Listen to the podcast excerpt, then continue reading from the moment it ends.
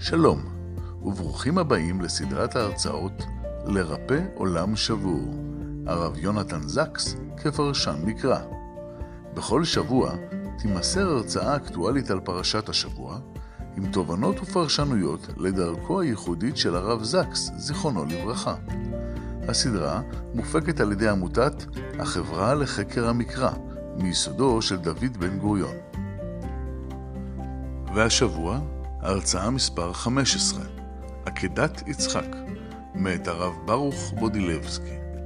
אנו מאחלים לכם האזנה נעימה. ערב טוב, ערב טוב ברוך, הרב ברוך, סליחה, רב של קהילת יאנג ישראל בצפון נתניה, האיש שכבר בעצם ראינו אותו בתחילת המיזם, בשיעור הראשון, כשאירחנו את משפחת הרב זקס באנגליה, והשאיר לנו טעם של עוד, בגלל הקשר היפה והמעניין שהיה לו, כרב קהילה באנגליה, שהתארח הרבה אצל uh, הרב זקס בבית, בשבתות, כמו שסיפרת לי. אז לכן, אם אפשר, בבקשה, גם לשמוע את, את השיעור, וגם במקביל לספר לנו על הגדולות, על הרב, על ההתנהלות שלו עם אנשים, על ההתנהלות שלו עם בני הבית, על ההתנהלות שלו מול הקהילה. ספר לנו קצת על האיש המעניין והמדהים הזה. ערב טוב ותודה רבה. טוב, אה, ערב טוב, שומעים אותי? כן. שומעים אותי? כן. יופי. שומעים. דבר ראשון, ערב טוב לך, ישראל, אה, לכל העוזרים במלאכה החשובה הזאת, כמובן אה, לכל, ה, לכל המשתתפים.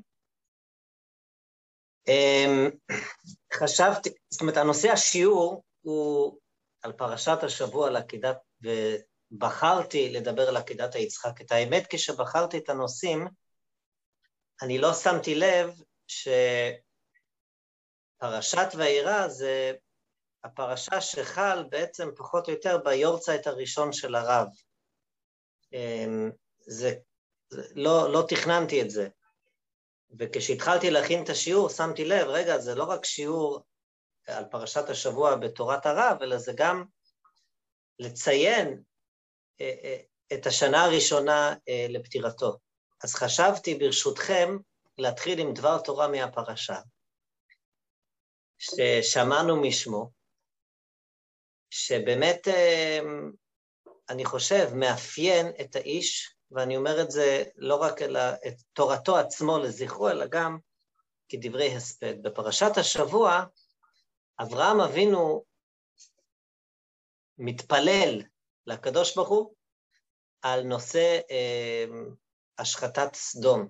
הקדוש ברוך הוא אומר ל, לאברהם, הוא מתגלה לאברהם, ואומר לו שהוא הולך ל, להחריב את, את אזור סדום, והקדוש ברוך הוא מתחיל להתפלל עבורו. אה, עבור, עבור העיר. בהתחלה, בהתחלה הוא אומר, האם 50 צדיקים יספיקו? הקדוש ברוך הוא אומר, כן. אחרי זה אברהם אבינו אומר, מה עם 45? ומה עם 40? ומה עם 30? ומה עם 20? ומה עם 10?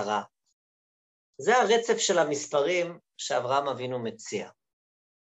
לא פחות מעשרה. אברהם אבינו לא מתפלל על סדום בהנחה שיש שם פחות מעשרה צדיקים. רש"י בפירושו מסביר את המספרים, הוא אומר שסדום היה מחולק לחמישה ערים נגיד. וכשאברהם אבינו מתפלל על חמישים צדיקים, כוונתו שלפחות יהיו עשרה צדיקים בכל עיר, בכל אזור בתוך סדום. וכשהקדוש ברוך הוא מסתפק במספר הזה, הוא יורד ל-45, כלומר, תשעה צדיקים בכל עיר. ואחרי זה 40, אז הוא אומר, בסדר, אז לפחות אומנם לא, אומנם לא נציל את חמישה ערים, אבל נציל ארבעה, כלומר, עשר, עשר, עשרה, עשר צדיקים בכל עיר. ואז כשאברהם אבינו יורד לשלושים, הכוונה עשר צדיקים בכל עיר, אם יש שלושה ערים. ועד שיורד לעשרה צדיקים. הוא אומר עשר צדיקים בעיר, כלומר עיר אחת. לפחות הקדוש ברוך הוא תציל עיר אחת אם יש בה עשרה צדיקים. אבל עיר עם פחות מעשרה צדיקים אי אפשר להציל. ורש"י שמה נוגע בנקודה הזאת, המספר הזה של עשר, למה הוא מספר חשוב, ולמה פחות מזה אי אפשר להציל. אבן עזרא אין לו שום בעיה בפירושו לרדת גם מתחת לעשרה צדיקים, וככה הוא מסביר את זה. אבן עזרא אומר שחמישים זה כמו שרש"י אמר, עשרה צדיקים לחמש ערים, חמישה ערים.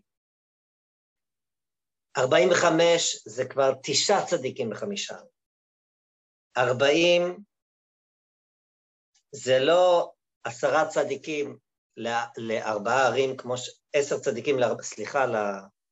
שאני מערבב מספרים בזכר ונקבה, אני באמת אה, מבקש על זה סליחה. אה, זה לא כפירושו של רש"י, אומר אבן עזרא, אלא ארבעים צדיקים, כוונת אברהם אבינו זה שמונה צדיקים וחזרה לחמישה ערים. זאת אומרת, אין בעיה לאבן עזרא לרדת מעשרה צדיקים. שלושים צדיקים, אומר אבן עזרא, זה אומר שש צדיקים לחמישה ערים. יורד מתחת לעשר עד לשש. ואז שואל הרב זקס, אם לאבן עזרא אין שום בעיה לרדת מתחת למספר של עשרה צדיקים,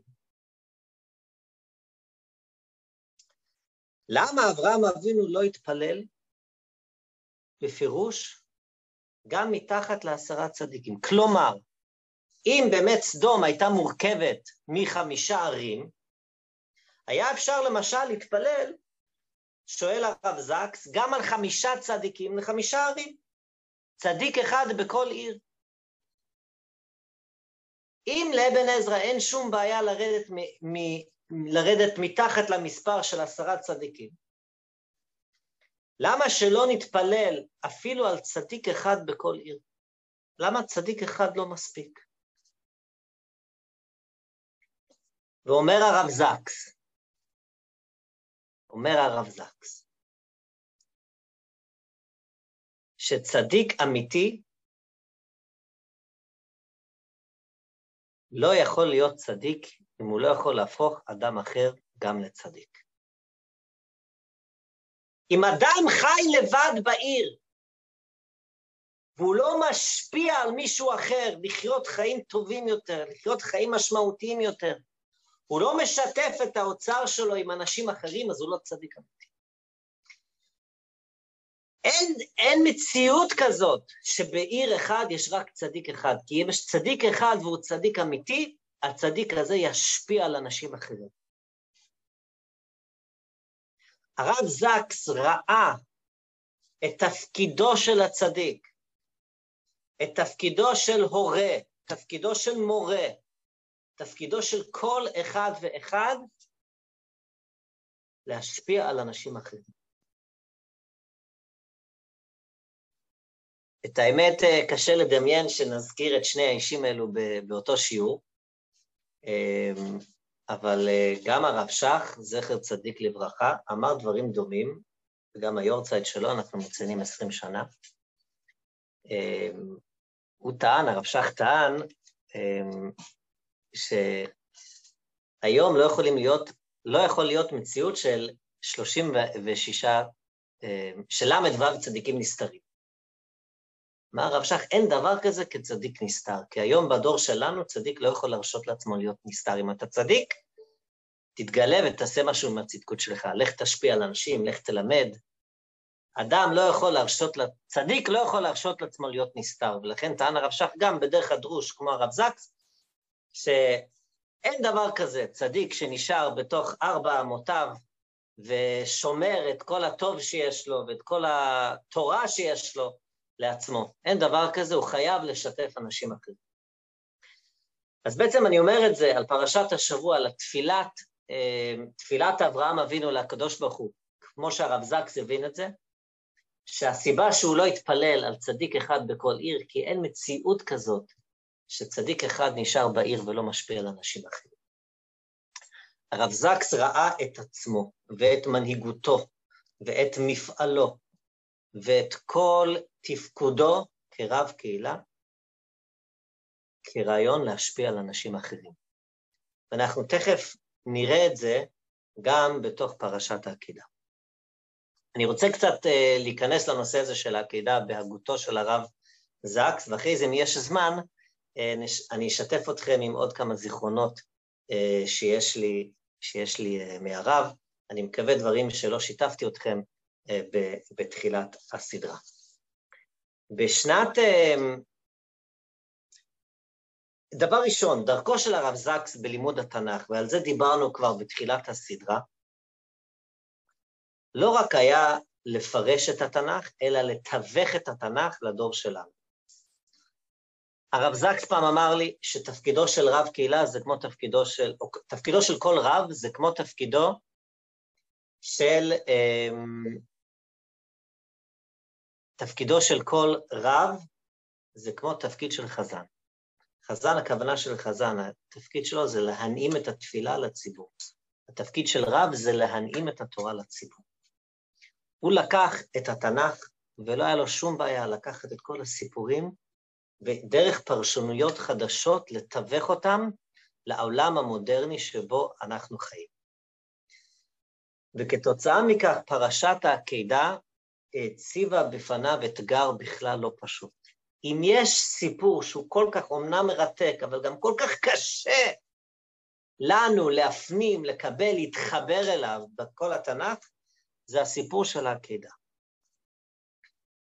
ובפרט הסיפור הזה של העקידה הציבה, הציב אתגר עצום לרב זקס, איך הוא יכול לתווך את הסיפור הזה לציבור ולעולם המודרני.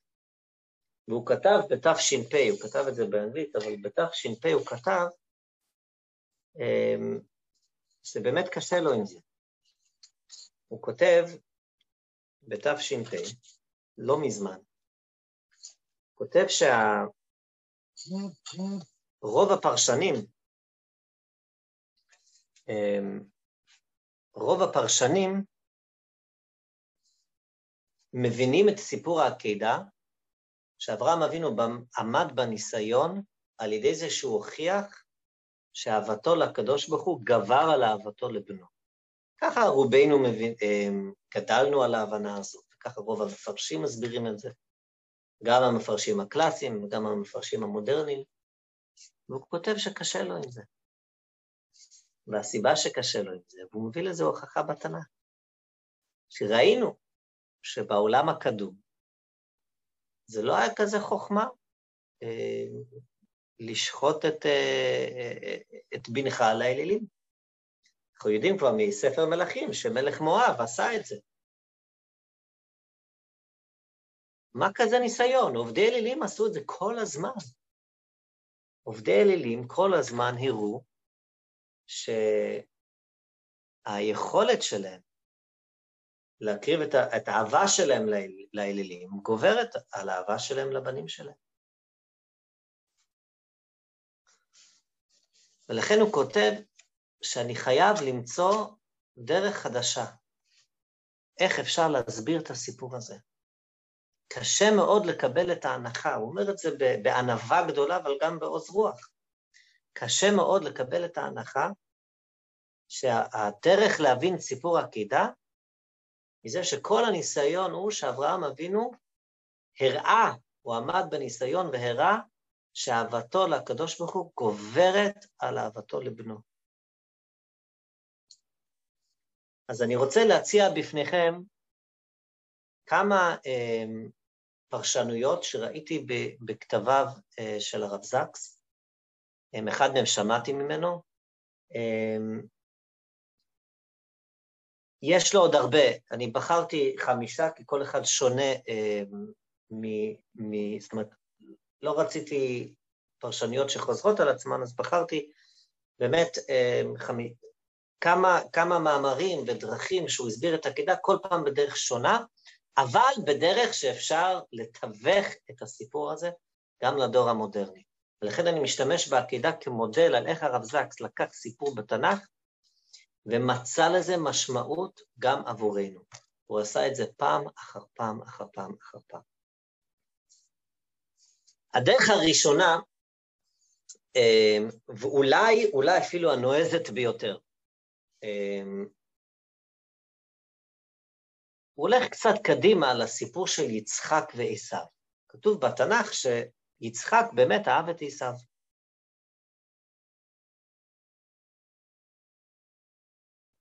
לא ברור למה. יש מפרשים שאומרים שאולי יצחק לא בדיוק ירד לטבעו של עשיו ולא בדיוק ידע מי הוא ולא הכיר אותו כל כך טוב. אם היה מכיר, אז בוודאי שהיה מסכים עם רבקה. אה, קשה לקבל את זה, אה, זה בוודאי שזה לא פשוטו של מקרא. כנראה שיצחק ידע בדיוק אה, מי זה עשיו, ובכל זאת רצה לברך אותו, בכל זאת לא רצה לגרש אותו.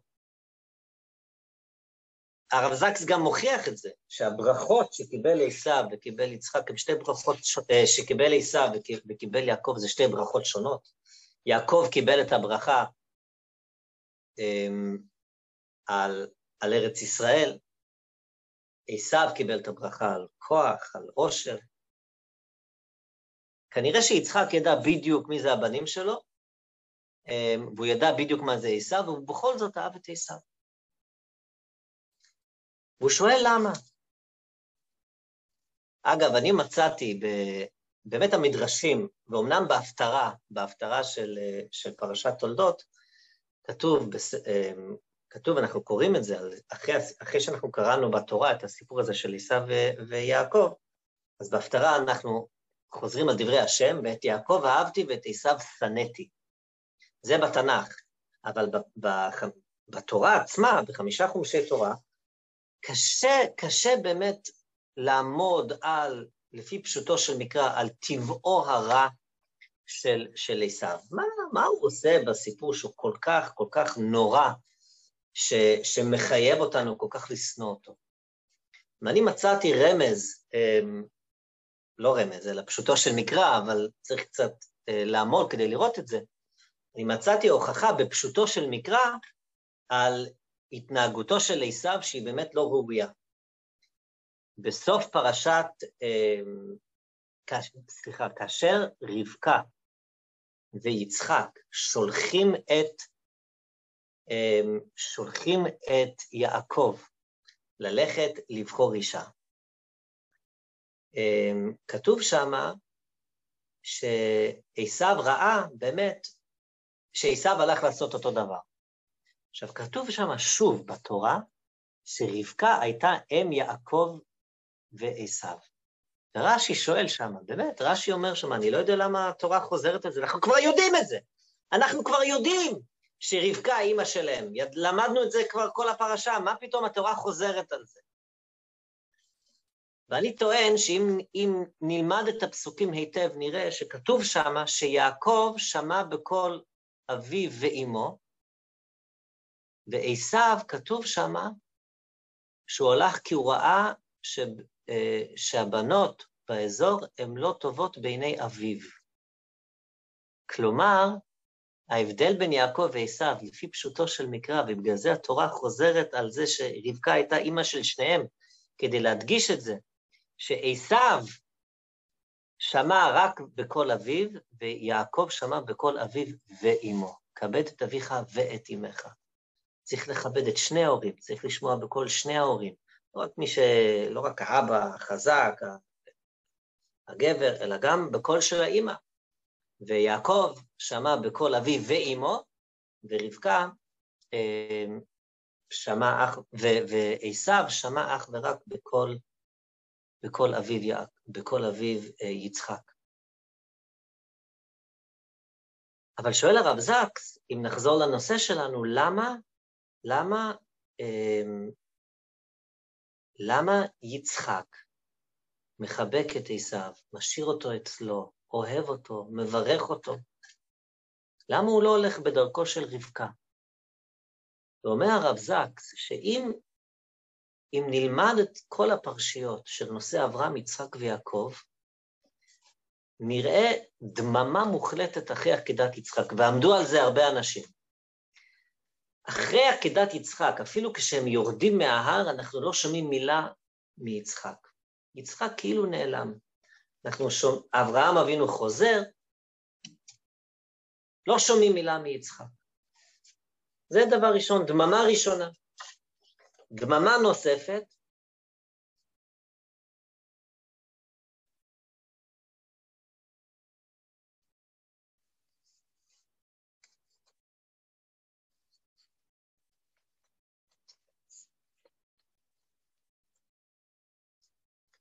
כאשר אימא של יצחק, שרה אמנו נפטרה, אברהם אבינו מספיד אותה, אברהם אבינו עוסק מאוד, אה, עוסק מאוד בקבורה, אבל אה, יעקב, יצחק לא משתתף. אנחנו יודעים בהלכות אבלות שעיקר האבלות זה על הבן. איפה, איפה ההשתתפות של יצחק? באבלות על אימא שלו. ודבר שלישי, הדממה השלישית, זה הנושא הזה של, של להשתדך. אמ, בכל הנושא של מציאת אישה ליצחק, אנחנו לא רואים שיצחק אומר מילה.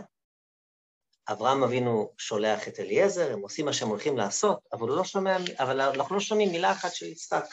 כלומר, דממה אחרי דממה אחרי דממה. בין הסיפור של העקידה, אומר הרב זקס, לבין נישואי יצחק, לבין נישואי יצחק ל, אמ, לרבקה, אנחנו לא שומעים מילה אחת על... אנחנו לא שומעים מילה אחת מיצחק. טוען הרב, טוען הרב זקס, שאולי באמת ואמרו את, זה, מפרשים מודרניים, אבל אני לא ראיתי את זה כל כך בפרשנות הרבנית הקלאסית. אומר הרב זקס, ייתכן, ייתכן שבאמת עבור יצחק, הסיפור הזה של עקידת יצחק הייתה חוויה קשה מאוד. יש גם פרשנים שאומרים שיצחק הוא זה שהחזיר את הגר אחרי ששרה אמנו נפטרה, ואל תשכחו שיצחק וישמעאל ביחד קוברים את, קוברים את, אה, את, את אברהם אבינו. יש אמפתיה אולי של יצחק כלפי הגר וישמעאל, ויש טראומה של יצחק אחרי הסיפור של עקידת יצחק. איך אבא שלי היה מסוגל להרוג אותי? הסיבה, אומר הרב זקס, שיצחק אהב את עשיו, שמר את עשיו בביתו, לא הסכים לגרש אותו, התעקש לברך אותו, שמר אותו, שמר אותו בחיק משפחתו, זה כי הוא לא רצה לעשות לבנו מה שאביו עשה לעצמו. יש גם על זה זוהר. הזוהר אומר, ממש ב, ב, במשפט אחד, הזוהר שם כותב, שבשיחה בדרך לעקידה בין אברהם אבינו ליצחק, התורה יכלה להגיד שכאשר אברהם עונה ליצחק, התורה יכלה לומר ויאמר אביו, ואילו התורה אומרת ויאמר אברהם, ואומר הזוהר, זה, זה משפט כל כך קשה, אומר הזוהר, הסיבה שהתורה לא אומרת ויאמר אביו בשיחה הזאת בין אברהם ליצחק, כי אבא לא עושה דבר כזה. הוא לא היה אבא שלו ברגע הזה, הוא היה אברהם אבינו. הוא לא היה אבא שלו.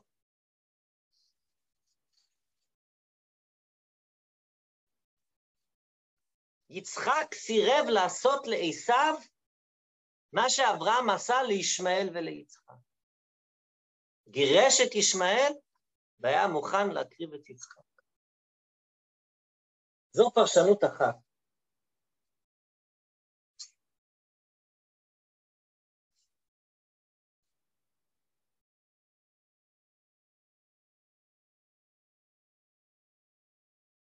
פרשנות נוספת, וגם היא מאוד מאוד מודרנית, מאוד מודרנית. הרב זקס נכנס לפרטי פרטים להוכיח שאחד הרעיונות הגדולים של התורה זה רעיון הבעלות של הקדוש ברוך הוא על העולם. הוא ברא את העולם, ולכן העולם שלו. הוא נתן לנו את ארץ ישראל, ולכן ארץ ישראל שלו. הוא נתן לנו את החיים שלנו, ולכן החיים שלנו הם שלו. הנושא הזה של בעלות הקדוש ברוך הוא על הכל. אין בעולם משהו שהוא יותר חשוב לנו ויותר יקר לנו מהילדים שלנו. והורים, הורים לעתים קרובות עושים את הטעות שהם חושבים, שאנחנו כהורים חושבים, שאנחנו בעלים על הילדים שלנו. שהילדים שלנו הם בבעלותנו. ואומר הרב זקס שחייבים להפריד בין בעלות לאחריות. אנחנו אחראים על הילדים שלנו, אבל אנחנו לא בעלים עליהם. יש הבדל בין בעלות לאחריות. הסיפור של העקידה בא ללמד אותנו פעם אחר פעם שיצחק אבינו היה הבן של אברהם, אבל אברהם אבינו לא היה לו בעלות על יצחק.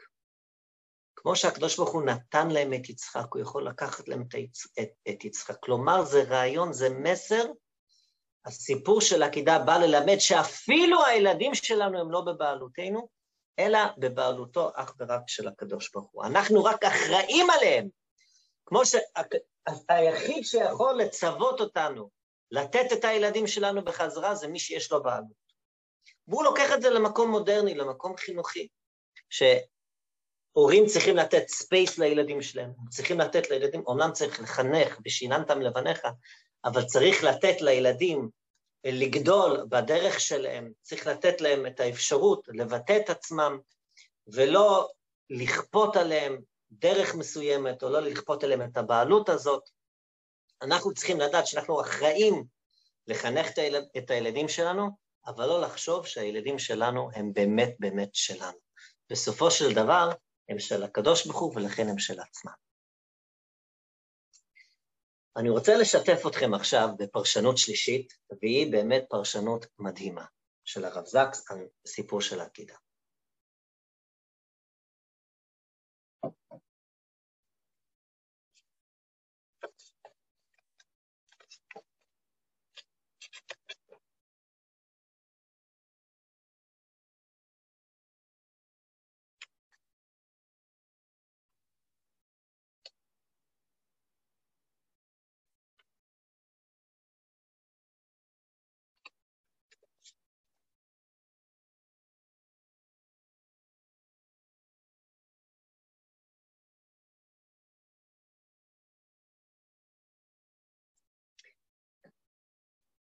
אומר הרב זקס, אין סיכוי שכל הנושא הזה של העקידה זה היכולת של אברהם אבינו להראות עד כמה הוא אוהב את הקדוש ברוך הוא יותר מאת בנו. את זה אנחנו יודעים שהוא לא הראשון שעשה את זה, היו גם עובדי אלילים שעשו את זה. הלימוד של העקידה הוא לא להראות שאברהם אבינו אהב את הקדוש ברוך הוא יותר מדברים אחרים, והוא לא היה מוכן להקריב דברים, אנחנו יודעים שהוא עזב את משפחתו, את ארצו. כל הסיפור, כל הסיפור של אברהם אבינו עד הנקודה הזאת הוא סיפור של הקרבה. הקדוש ברוך הוא מוכן לעזוב הכל כדי להיות נאמן לקדוש ברוך הוא.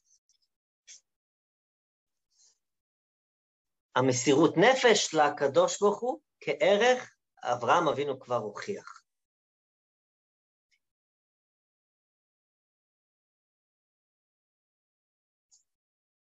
הרב זקס טוען שהניסיון של העקידה הוא ניסיון חדש.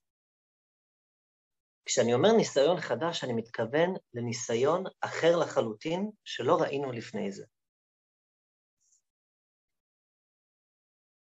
הציווי, הציווי להקריב את בנו, מעמיד את אברהם בסתירה ההגיונית הכי גדולה שאפשר באמת לחיות בה. כבר בתחילת דרכו, בלך לך הראשון של פרשת לך לך, הקדוש ברוך הוא מצווה לאברהם לך לך מארצך וממולדתך ומבית אביך לארץ אשר הרקע, והוא אומר לו, שברגע שאני אעשה לך, ואעשך לגוי גדול, יהיו ילדים, וארבע פעמים לפחות, הקדוש ברוך הוא אומר לאברהם אבינו במהלך הפרשיות האחרונות, שהוא הולך להיות אב להמון גויים. ואחרי זה, ושנים, הרבה שנים אין להם ילדים, ואחרי זה נולד ישמעאל, ואותו הוא צריך לגרש, והבן היחיד שנולד לו ולשרה אמנו בנס, אותו אברהם אבינו מצווה באמת לעקוד על הר המוריה.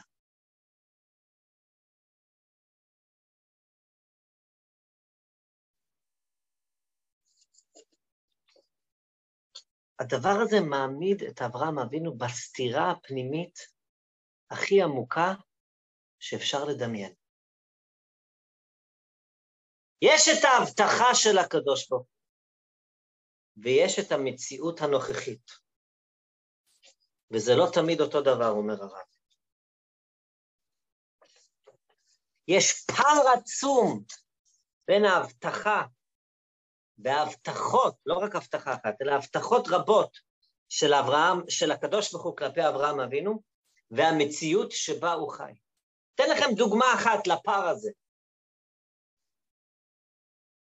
הקדוש ברוך הוא אמר לאברהם אבינו שהוא ייתן לו את ארץ ישראל.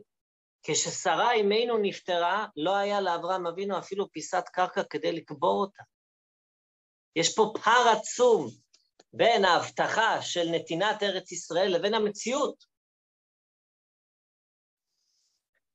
הקדוש ברוך הוא אומר לאברהם אבינו בתחילת לך לך, זו עוד דוגמה, לך לך מארצך וממולדתך ומבית אביך לארץ אשר הרקע. כבר תוך כמה פסוקים אברהם אבינו צריך לעזוב את ארץ ישראל ולרדת למצרים בגלל הרעב. תוך כמה פסוקים, עוד לא עברנו עמוד. אני טוען שאסור לעם ישראל לערבב בין המושג של ארץ זבת חלב ודבש לחיים של זבת חלב ודבש. הקדוש ברוך הוא נתן לנו ארץ זבת חלב ודבש, אבל זה לא אומר שהחיים בארץ הם כל כך מתוקים. ארץ ישראל נקראת בייסורים. אבל אברהם אבינו חווה פעם אחר פעם אחר פעם אחר פעם סתירה בין ההבטחה של הקדוש ברוך הוא לבין המציאות עצמה, הפער הולך וגדל. ופה בסיפור, בניסיון של העקידה, הפער הופך להיות פער שהוא כבר, אי אפשר, אי אפשר לחבר את זה, את הנקודות יותר. זה משהו שהוא כבר הוא בלתי נסבל. אומר הרב זקס, זה בדיוק הניסיון של אברהם אבינו. לא האם אהבה, אהבה שלו לבנו יתגבר על אהבה שלו לקדוש ברוך הוא, אלא איך אדם מאמין יכול לחיות חיי אמונה ויראה על רקע אי-ודאות. איך אדם יכול, למרות שהוא חי פה בסתירה פנימית, בין המציאות שהוא רואה והקול של הקדוש ברוך הוא שהוא שומע, איך הוא יכול להמשיך לחיות בסתירה הפנימית הזאת. הרב זקס לא נכנס לזה, אבל אני רוצה באמת להסביר איך שאני מבין את העומק של דבריו. היה אדם גדול מאוד, שכולנו שמענו עליו, קראו לו עמנואל קאנט. עמנואל קאנט יש לו פרשנות מיוחדת מאוד, לא דתית במיוחד, על הנושא הזה של עקידה. הוא טוען שאברהם אבינו נכשל בניסיון שלו. אברהם אבינו נכשל. למה אברהם אבינו נכשל? אומר עמנואל קאנט, שנבואה, כל השם זה לא דבר ברור. כשהקדוש ברוך הוא אומר משהו, זה יכול להיות או שהקדוש ברוך הוא אמר לי משהו, או שאני לגמרי מדמיין. יכול להיות שאני מדמיין לחלוטין. אדם לא יכול להיות במאה אחוז בר, אמ, ברור לו שמה שהוא שמע זה הוא שמע כל השם. אולי הוא מדומיין, אולי הוא מדמיין. המוסר זה משהו ברור, האיסור להרוג זה משהו שהוא ברור לאדם. כל אדם יודע במאה אחוז שאסור להרוג. זה מוסר אוניברסלי. ולכן אברהם אבינו עמד פה בפני שתי אפשרויות. בין ערך שהוא לא ברור לחלוטין, או שהקדוש ברוך הוא אמר לי לעשות את זה, או שאני פשוט מדמיין לחלוטין, או שאני מדמיין, אז לא ברור לי, זה יכול להיות או-או, לבין מוסר ברור שאסור להרוג. יש לנו בהלכה כלל אין ספק מוציא מידי ודאי. נכון? כשיש אדם, יש לו ספק ויש לו ודאות, אתה הולך על הוודאי.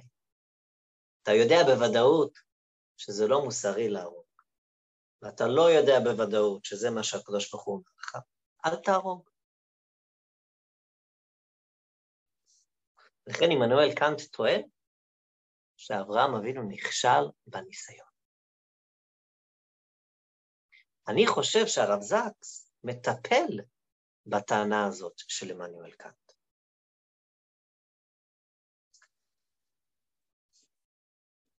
יש שאלה אחרת, שאברהם אבינו, הוא אומר, ל, הוא אומר בדרך לעקידה, הוא אומר ליצחק, שהקדוש ברוך הוא יראה לו את השה. הוא אומר לנערים שאנחנו נחזור ביחד ונשובה ביחד. מצד אחד, מצד אחד, אברהם אבינו עולה להר בכוונה להרוג, את, לשחוט את יצחק, ומצד שני, מה שהוא אומר לכולם, גם ליצחק וגם לנערים, זה שכול, שאנחנו נחזור בשלום. עכשיו, לרוב רובנו מבינים את זה שאברהם אבינו לא היה לו את האומץ להגיד לכולם את האמת. אבל טוען הרב זקס שאברהם אבינו עומד פה בפני ניסיון של הבטחה של הקדוש ברוך הוא לבין מציאות, ויש פה דרך אמצעית, לא ללכת כמו של הרב קאנט, של עמנואל קאנט, שיש עוד דרך של ציות או סירוב, אלא יש דרך אמצעית, גם לציית וגם לקוות שאיכשהו, להאמין איכשהו שזה יסתדר. אברהם אבינו עולה להר המוריה בתקווה או אפילו באמונה שהפער הזה יפסיק להיות פער עצום, שאיכשהו הוא יציית לדברי השם, וההבטחה הזאת בכל זאת תתקיים.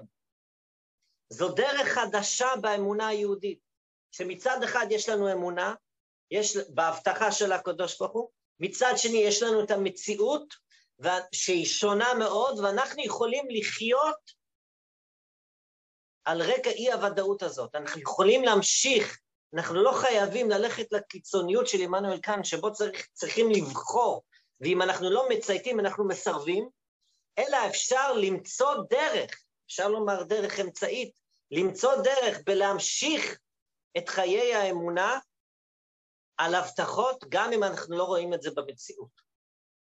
הדרך המדהימה הזאת של אברהם אבינו לעלות להר המוריה, בסתירה פנימית עצומה, בידיעה שהוא הולך לשחוט את יצחק, ואיכשהו עדיין להאמין שהם חוזרים ביחד בשלום. יש, יש ב, באורך של התורה, יש הרבה פסוקים שמתארים את הדרך של אברהם אבינו להר המוריה. לא כתוב שהוא הלך והוא עשה מה שהקדוש ברוך הוא אמר. כתוב שהוא, וישכם אברהם בבוקר, ויחבוש את חמורו, ויקח את שני נעריו איתו, ויבקע עולה, וילך אל המקום. אחרי זה שלושה ימים, ואחרי זה ויישא אברהם את עיניו, והוא רואה את המקום מרחוק, ואחרי זה שיחה עם הנערים, ואחרי זה אברהם מתחיל לקחת את עצי העולה, והוא שם על יצחק בנו, והוא לוקח את האש ואת המכחלת, ואחרי זה יש דיון שלם. התורה, במשך, אני חושב, תשעה פסוקים, התורה מתארת את המסע הארוך הזה בין, הצי, בין הציווי של הקדוש ברוך הוא לאברהם אבינו להעלות את יצחק לעולה, לבין הציות עצמו. תשעה פסוקים, והרמב"ם מפרש, זה כדי שהתורה רוצה ללמד אותנו שאברהם אבינו הבין בדיוק מה הוא עושה. כלומר, יש אנשים שאנחנו מקבלים השראה, ואז מתוך ספונטניות אנחנו מיד עושים את המעשה שאנחנו רוצים לעשות, אבל אם היינו חושבים על זה באמת הרבה, היינו כבר יורדים מהרעיון. הסיבה שהתורה מתארת את אורך הזמן ואת כל התהליך זה כדי להוכיח שאברהם אבינו לא רק, לא היה לו נבואה והוא מיד אה, פעל מתוך ספונטניות, אלא הוא הבין בדיוק מה הוא, היה לו הרבה זמן לחשוב על מה שהוא עושה, והוא ידע בדיוק מה הוא עושה. ועל רקע זה אומר הרב זקס, שפה, כאן זה הנקודה שהוא עומד בניסיון. ביכולת לחשוב על מה שנאמר לו. יש פה ציווי שסותר את כל ההבטחות שהוא, שהוא קיבל. איך אפשר בכל זאת לחיות חיי אמונה ויראה על, על אי-הוודאות הזאת? והתשובה הזו, התשובה לשאלה הזאת זה המתנה. אנחנו לא יודעים, רק צריך להמתין. אברהם אבינו ממתין, והוא מאמין, והוא עולה, והוא יודע שאיך שהוא מאמין שהם יחזרו ביחד הוא לא יודע איך, אבל הוא מוצא את הדרך לחיות בין, לחיות בפער הזה בין ההבטחה האלוקית לבין המציאות בשטח. אנחנו נעבור לפרשנות רביעית. אמ, כבר עמדו על זה חוקרים. החוקרים כבר עמדו על ה... המשותף בטקסט בין הסיפור של גירוש הגר וישמעאל לבין הסיפור של עקדת יצחק. תיקחו בחשבון שגירוש הגר וישמעאל זה בפרק כ"א, ועקדת יצחק זה בפרק כ"ב. עמדו על זה החוקרים, שבאמת עקדת יצחק זה לא סיפור שעומד בפני עצמו. זה בעצם החלק השני של סיפור גדול יותר. אני, אני, אני באמת מסכם את זה בקיצור רב. הסיפור הגדול יותר הוא על איך שאברהם אבינו צריך אה, לעקוד או להרוג או, או, או לגרש את בניו. החלק הראשון, הניסיון הראשון, מה שאפשר לקרוא עקדת ישמעאל, זה הסיפור שהוא צריך להתפטר מישמעאל, והסיפור השני הוא סיפור שהוא צריך להתפטר מיצחק. אבל זה לא שני סיפורים נפרדים, זה שני חלקים בתוך סיפור אחד. הסיפור הוא איך אברהם אבינו אמ, עומד בניסיון של להתפטר מהבן שלו. חלק הראשון בפרק כ"א זה הסיפור על איך הוא עומד בניסיון של להתפטר מהבן ישמעאל, והחלק השני זה הסיפור על איך הוא עומד בניסיון של להתפטר מהבן יצחק. ההוכחות זה איך שהטקסט דומה, בשניהם כתוב וישכם אברהם בבוקר בשני הסיפורים. בשני הסיפורים ישמעאל ויצחק נקראים בתורה נער. אמ, בשניהם מלאך מתגלה. בשני הסיפורים הגאולה מתבטאת בראייה, אמ, אגב, ראייה של משהו שהיה שם תמיד, רק הם לא ראו את זה. הגר רואה פתאום את, את, את הגאולה שלו, שלה, כלומר, המים, המים היה שם כל הזמן, רק היא לא ראתה, אבל אז ויפקח אלוקים את עיניה ותרא באר מים, וגם אברהם אבינו, פתאום ויישא אברהם את, את עיניו וירא והנה איל אחר נאחז בסבך בקרניו. האיל היה שם כל הזמן, אברהם אבינו לא ראה את זה. אמרנו כבר שני מלאך, מלאך השם, יש ברכות לכל נער בסוף הסיפור. אצל ישמעאל, לגוי גדול אשימנו, אצל יצחק, כי ברך ברכך והרבה הרבה את זרעך ככוכבי השמיים וכולי. הטקסטים מאוד דומים, ולכן זה מביא את החוקרים למסקנה שבעצם מדובר בסיפור אחד גדול. את האמת, אני טוען שחז"ל הסכימו לזה במיליון אחוז. מה ההוכחה? שביום הראשון של ראש השנה אנחנו קוראים את פרק כ"א, הסיפור של גירוש ישמעאל, וביום השני של ראש השנה אנחנו קוראים בפרק כ"ב, הסיפור של עקדת יצחק. עכשיו צריך להבין מה בכלל הקשר של עקדת יצחק לראש השנה, אבל עוד אפשר להסביר את זה. אבל הסיפור של, ביום הראשון של השנה, אנחנו קוראים את הסיפור, את הסיפור של, של גירוש ישמעאל, מה זה קשור? אז בסדר, אפשר לדבר על לידת יצחק שמופיע לפני זה, אבל אני חושב שהסיבה מאוד פשוטה, אי אפשר להפריד את סיפור עקדת יצחק לבין גירוש ישמעאל, זה אותו סיפור. אז את החלק הראשון של הסיפור אנחנו קוראים ביום הראשון של ראש השנה, ואת החלק השני של הסיפור אנחנו קוראים ביום השני של, עקדת, של, של ראש השנה, כי זה סיפור אחד.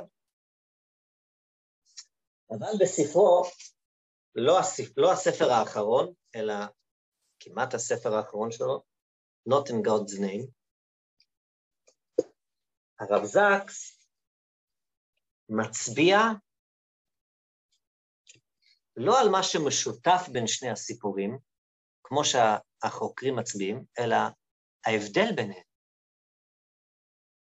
הוא אומר, יש הבדל אחד מאוד ברור. בסיפור של עקדת יצחק, כמו בכמעט כל התורה, אין רגש. לא, בסיפור של עקדת יצחק לא כתוב איך אברהם הרגיש. אנחנו לא יודעים, אנחנו יכולים רק לחשוב, לתאר, לדמיין, אבל לא כתוב, אין לנו שום אינדיקציה על איך אברהם הגיב רגשית למה שקורה כאן. אנחנו יכולים רק לתאר לעצמנו. וכנ"ל ברוב התורה, אנחנו לא יודעים איך נוח הרגיש כשהקדוש ברוך הוא אמר לו שהוא הולך להחריב את העולם. אנחנו לא יודעים איך אברהם אבינו הרגיש כשהקדוש ברוך הוא אמר לו, לך לך מארצך וממולדתך, אנחנו לא יודעים אם הוא התגעגע, אם הוא שמח, אולי הוא רצה לעזוב, אולי... אנחנו לא יודעים. התורה לא נכנסת לעולם הרגשי של הדמויות האלו לרוב. לפעמים כן, אבל לרוב לא. ובוודאי בעקדת יצחק אין מילה אחת של רגש. אין שם רגש, לא של אברהם, לא של יצחק, לא של הנערים. זה סיפור שהוא מעורר אצלנו כל כך הרבה רגשות, אבל כשקוראים את הטקסט אין בו רגשות. לעומת זאת, הסיפור של אגר וישמעאל, של גירוש אגר וישמעאל, בטקסט, בפשוטו של מקרא, מלא ברגשות. הבה נקרא כמה פסוקים ביחד.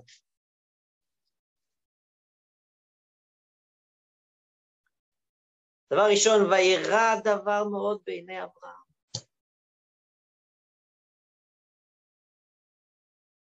אז מה אברהם עושה? הוא קם מוקדם בבוקר, ויקח לחם וחימת מים, והוא נותן את זה לגר, והוא שם את זה על שכמה, ואת הילד, וישלחיה. והיא הולכת, ותיתה במדבר, ויכלו המים מן החמת, ותשלך את הילד תחת אחד השיחים. והיא יושבת מנגד, כי אמרה, אל אראה במות הילד, עד כמה קשה לה. ותשב מנגד, ותישא את קולה ותבק. במדרש כתוב שאברהם בכה בעקידת יצחק, ובגלל זה יצחק כבר לא ראה בסוף חייו, כי הדמעות אה, זלגו לתוך עיניו. אבל לא, לא, לא במקרא, זה מדרש. אבל פה בסיפור הגר וישמעאל כתוב, תשמעו ל, לרגש שיש פה, ותשב מנגד ותישא את קולה ותבק. וישמע אלוקים את כל הנער. ויאמר לה, מה לך הגר? כי שמע אלוקים אל כל הנער. יש פה המון רגש. אומר הרב זקס, עקידת יצחק מעוררת בנו יראה. מין... אנחנו ניצבים מול הסיפור הזה, ואנחנו... הוא כל כך רחוק מאיתנו, אנחנו פשוט לחלוטין אה, מעמידים את אברהם אבינו במקום כל כך רחוק מדרגתנו האנושית והרוחנית. זה סיפור ש... כופה עלינו, סוג של יראה כלפיו, כלפי הסיפור אני מתכוון. הסיפור של הגר וישמעאל נועד לעורר בנו הזדהות. המילים, הטקסט, הרגש, מעורר בנו את ההזדהות. כהורים אנחנו מרגישים את כאבה של הגר, אנחנו מרגישים את צמאונו של ישמעאל. אנחנו רואים אותו כמעט גוסס בחום. אנחנו מזדהים עם הכאב של אברהם שעושה משהו שהוא לא רוצה לעשות. אומר הרב, יצחק זה הסיפור שלנו. יצחק הוא בתוך הברית של הקדוש ברוך הוא ועם ישראל. ישמעאל הוא לא במסגרת הברית, ישמעאל הוא האחר, הוא הזולת. הסיפור של גירוש ישמעאל בא להזכיר לנו, לא לשכוח, להזדהות, להיות בעלי חמלה גם כלפי האחר. בלי הטקסט, בלי, בלי הרגשות האלה, אני אומרים, בסדר, ישמעאל, לא. התורה רגישה מאוד לרגשות של אנשים, גם אם הם מחוץ לברית הזאת בין הקדוש ברוך הוא לעם ישראל. הסיפור של גירוש וישמעאל עוזר לנו להזדהות עם הכאב של בני אדם כבני אדם. עכשיו, אני באופן אישי לקחתי את זה למקום אחר. ראש השנה זה היום, ראש השנה זה היום ש... היום הרת עולם, זה היום תחילת מעשיך, זה יום בריאת האדם, לא רק בריאת היהודי, זה יום בריאת האדם. בעקידת יצחק, בעיניי, כמו שגם כתב על זה הרב ברויר, מלמד על קדושת החיים, על קדושת החיים. והיינו יכולים לחשוב בראש השנה שזה יום בריאת העולם, זה לא היום של יצירת עם ישראל, זה פסח. ראש השנה זה יום בריאת כל האנושות, כל באי עולם עוברים לפניו כבני מרון. היינו יכולים לחשוב שרק קדושת חיי היהודי הם קדושים. אבל אם אתה לא בברית הזאת, אז זה כבר לא חיים קדושים. אין קדושה לחיים. לכן ביום הראשון של השנה היהודית, בראש השנה, ביום בריאת האדם, כל אדם, אנחנו קוראים את הסיפור הזה של גירוש הגר וישמעאל כדי ללמד אותנו איך שהקדוש ברוך הוא חפץ בחיים, לא רק של יצחק, אלא גם של ישמעאל, וישמעאל מקבל את אותו מלאך אלוקים שיצחק מקבל כדי להציל אותו, ואיך שאנחנו צריכים להזדהות עם הכאב האנושי הזה שלהם. עוד מעט נגמר הזמן, אז אני אסכם על ידי הפרשנות החמישית. אמ, הפרשנות החמישית, אני אספר את זה בקצרה, ואני באמת מבקש תהיו איתי בדקות הקרובות. את הפרשנות החמישית אני שמעתי ממנו, זה היה הדבר האחרון ששמעתי ממנו. זה כבר היה בתקופת הקורונה. אמ, יש באנגליה, באמת שאין זמן, אז אני לא אאריך, לא הרבה, אבל יש באנגליה, אמ, פעם בשנה יש כנס של הרב הראשי, שהוא מזמין את כל הרבנים והרבניות מכל בריטניה, זה כנס לפני הימים נוראים. ובכנס הזה כמובן שיש שיעורים, אבל יש גם שגריר ישראל תמיד מגיע, ויש כל מיני אה, דיונים חשובים לקהילות, על ביטחון, על כל מיני דברים. זה יומיים לפחות, אה, שבו הרבנים באים, כולם ביחד, ומתכנסים לקראת הימים הנוראים.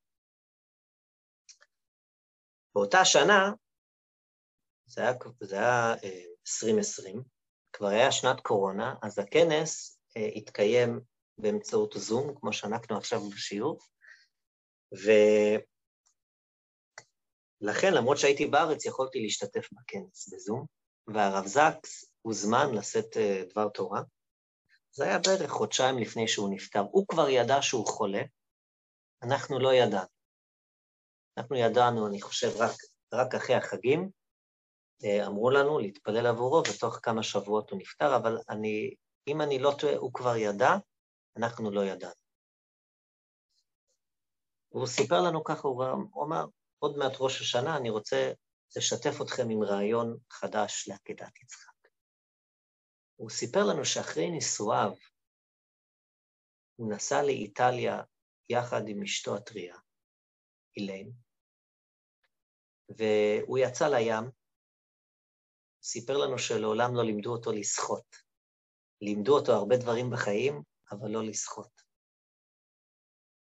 הוא יצא לים, והגיעו גלים, הוא היה בשנות ה-20 לחייו, אם אני לא טועה. אמ, ותוך כמה דקות הוא הבין שהוא בצרה, הוא התחיל אה, לטבוע בים, והוא לא מצא עזרה והתחיל לזעוק לעזרה. והגיעו רגעים שהוא כבר חשב שהוא הולך, שהוא הולך למות. ואז ברגע האחרון הגיע, הגיע גבר איטלקי והציל אותו. איכשהו הציל אותו מה, מהמים, הביא אותו לחוף, עשו לו מה שהיו צריכים לעשות לו, והוא הציל את חייו. והוא סיפר, עד היום אני לא יודע מי היה האיש, אבל יש מישהו בעולם, אדם איטלקי, שאני, חי... שאני חייב לו את חיי.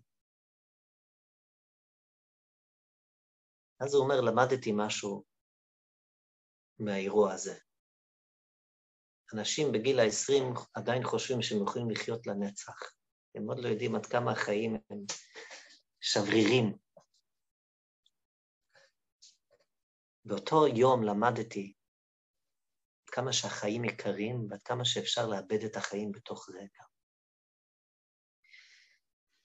ובגלל, אמר הרב, בגלל שכמעט איבדתי את חיי, ידעתי להעריך את חיי. קיבלתי על עצמי לא, לא, לעולם לא בזבז יום אחד מחיי, לא לבזבז זמן, לא לבזבז רגע, הבנתי עד כמה החיים יקרים, כי אפשר לאבד אותם כל כך מהר. אמר הרב, זה המסר של סיפור העקידה. אתה יכול לאבד את הילד שלך כל כך מהר, אברהם אבינו כמעט איבד את הילד שלו. אחרי שהוא כמעט איבד את הילד שלו, כשהם ירדו ביחד בהר, היה להם קשר חדש. טוב, זו פרשנות חדשה. יש כאלו שאומרים לא, אברהם אבינו ידע להעריך את החיים של הבן שלו באופן שהוא לא ידע להעריך לפני זה. הוא אומר, זאת הדרך היהודית להעריך את הילדים שלנו ואת ההמשכיות שלנו. הסיפור של העקידה הגיע לעולם כדי ללמד אותנו לא לקחת את הילדים שלנו כמובנים מאליו, את החיים ש... כמעט איבד, כמו שאני איבדתי את חיי, כמעט איבדתי את חיי בחוף, ובגלל זה עכשיו אני מעריך את החיים.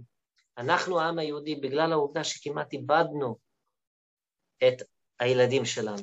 אברהם אבינו כמעט איבד את יצחק, אז אנחנו יודעים להעריך את החיים של הילדים שלנו ואת ההמשכיות של הילדים שלנו. ואמר הרב שהוא לא מכיר תרבות אחרת בעולם שכל כך מעמידה את ההמשכיות ואת הילדים במרכז הקהילה. אפשר באמת להעריך בזה שהגמרא, התוספות במסכת תענית מדברת על איך שאנחנו לומדים את זה מהקהל, שלבית הכנסת מביאים את הילדים, אפילו שעושים רעש ומפריעים, הילדים צריכים להיות בבית הכנסת. הילדים צריכים להיות במרכז, ההמשכיות של העם היהודי חייבת להיות במרכז, ואת זה אנחנו לומדים מהעקידה. בגלל שאברהם אבינו כמעט איבד את יצחק, אז הוא למד להעריך מה זה ילד, מה זה בן. אני אסיים, למרות שאפשר לדבר על עקידת יצחק שנים על גבי שנים על גבי שנים, זה באמת סיפור שאנחנו לא מפסיקים ללמוד אותו. אה, תסלחו לי על, ה, על העברית הלא מדויקת, אמ, אני מקווה ש... שלמדנו ביחד משהו מעניין, ושדברי תורה אלו יהיו לזכרו של הרב. ישראל בחזרה אליך. הרב ברוך, אתה מעמיד אותי במצב מאוד קשה. לדבר אחריך זו לא עבודה קלה, אבל אתה מה שנקרא דולה ומשקה.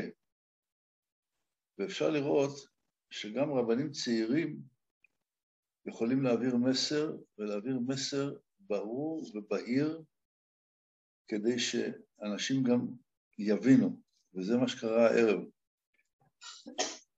הייתי שמח, אני פונה פה לכל הקהל ומציע, בואו תנו תגובות ותובנות למה ששמעתם הערב. זה לא מובן מאליו, כל מה ששמעתם, לחלוטין לא. כל אותם חמישה הסברים הם פשוט מדהימים. ולמי שיש תובנות ורעיונות להציע, אני אשמח מאוד לקבל את זה ואני אעלה את זה לתוך האתר. זו נקודה אחת. בכלל, ההסבר על הקריאות בראש השנה מדהים. זה מראה לנו עד כמה אנחנו קוראים טקסט, לפעמים בלי לחפש את המשמעות שלו. ההבדל בין הקריאה, שאני כבר קורא אותו למעלה מ-60 שנה, ואני לא שמתי אף פעם לב להבדל הזה, זה, זה פשוט פנטסטי. אני, דרך אגב, השיעור עצמו, חלק מההסבר שהרב ברוך נתן, נמצא בשיעור ששלחתי אתמול במייל, ושם גם יותר מפורט ויותר מעניין. לא יותר מעניין, אלא גם יותר נותן את העוצמה של ההסבר הזה.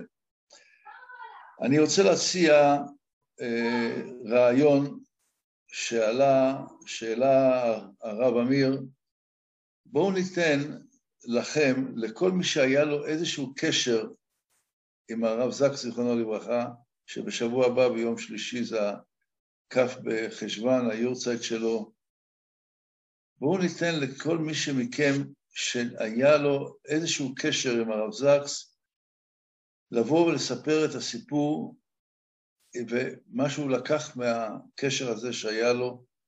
אני מציע לתת 15 דקות ראשונות בכל הרצאה, מעכשיו והלאה, לכל מי שיפנה אליי במייל, בוואטסאפ, בטלפון, אני מוכן לשמוע כל אחד ולתת את אותם 15 דקות ראשונות של השיעור לכם להתבטא ולספר על אה, דרכו של הרב.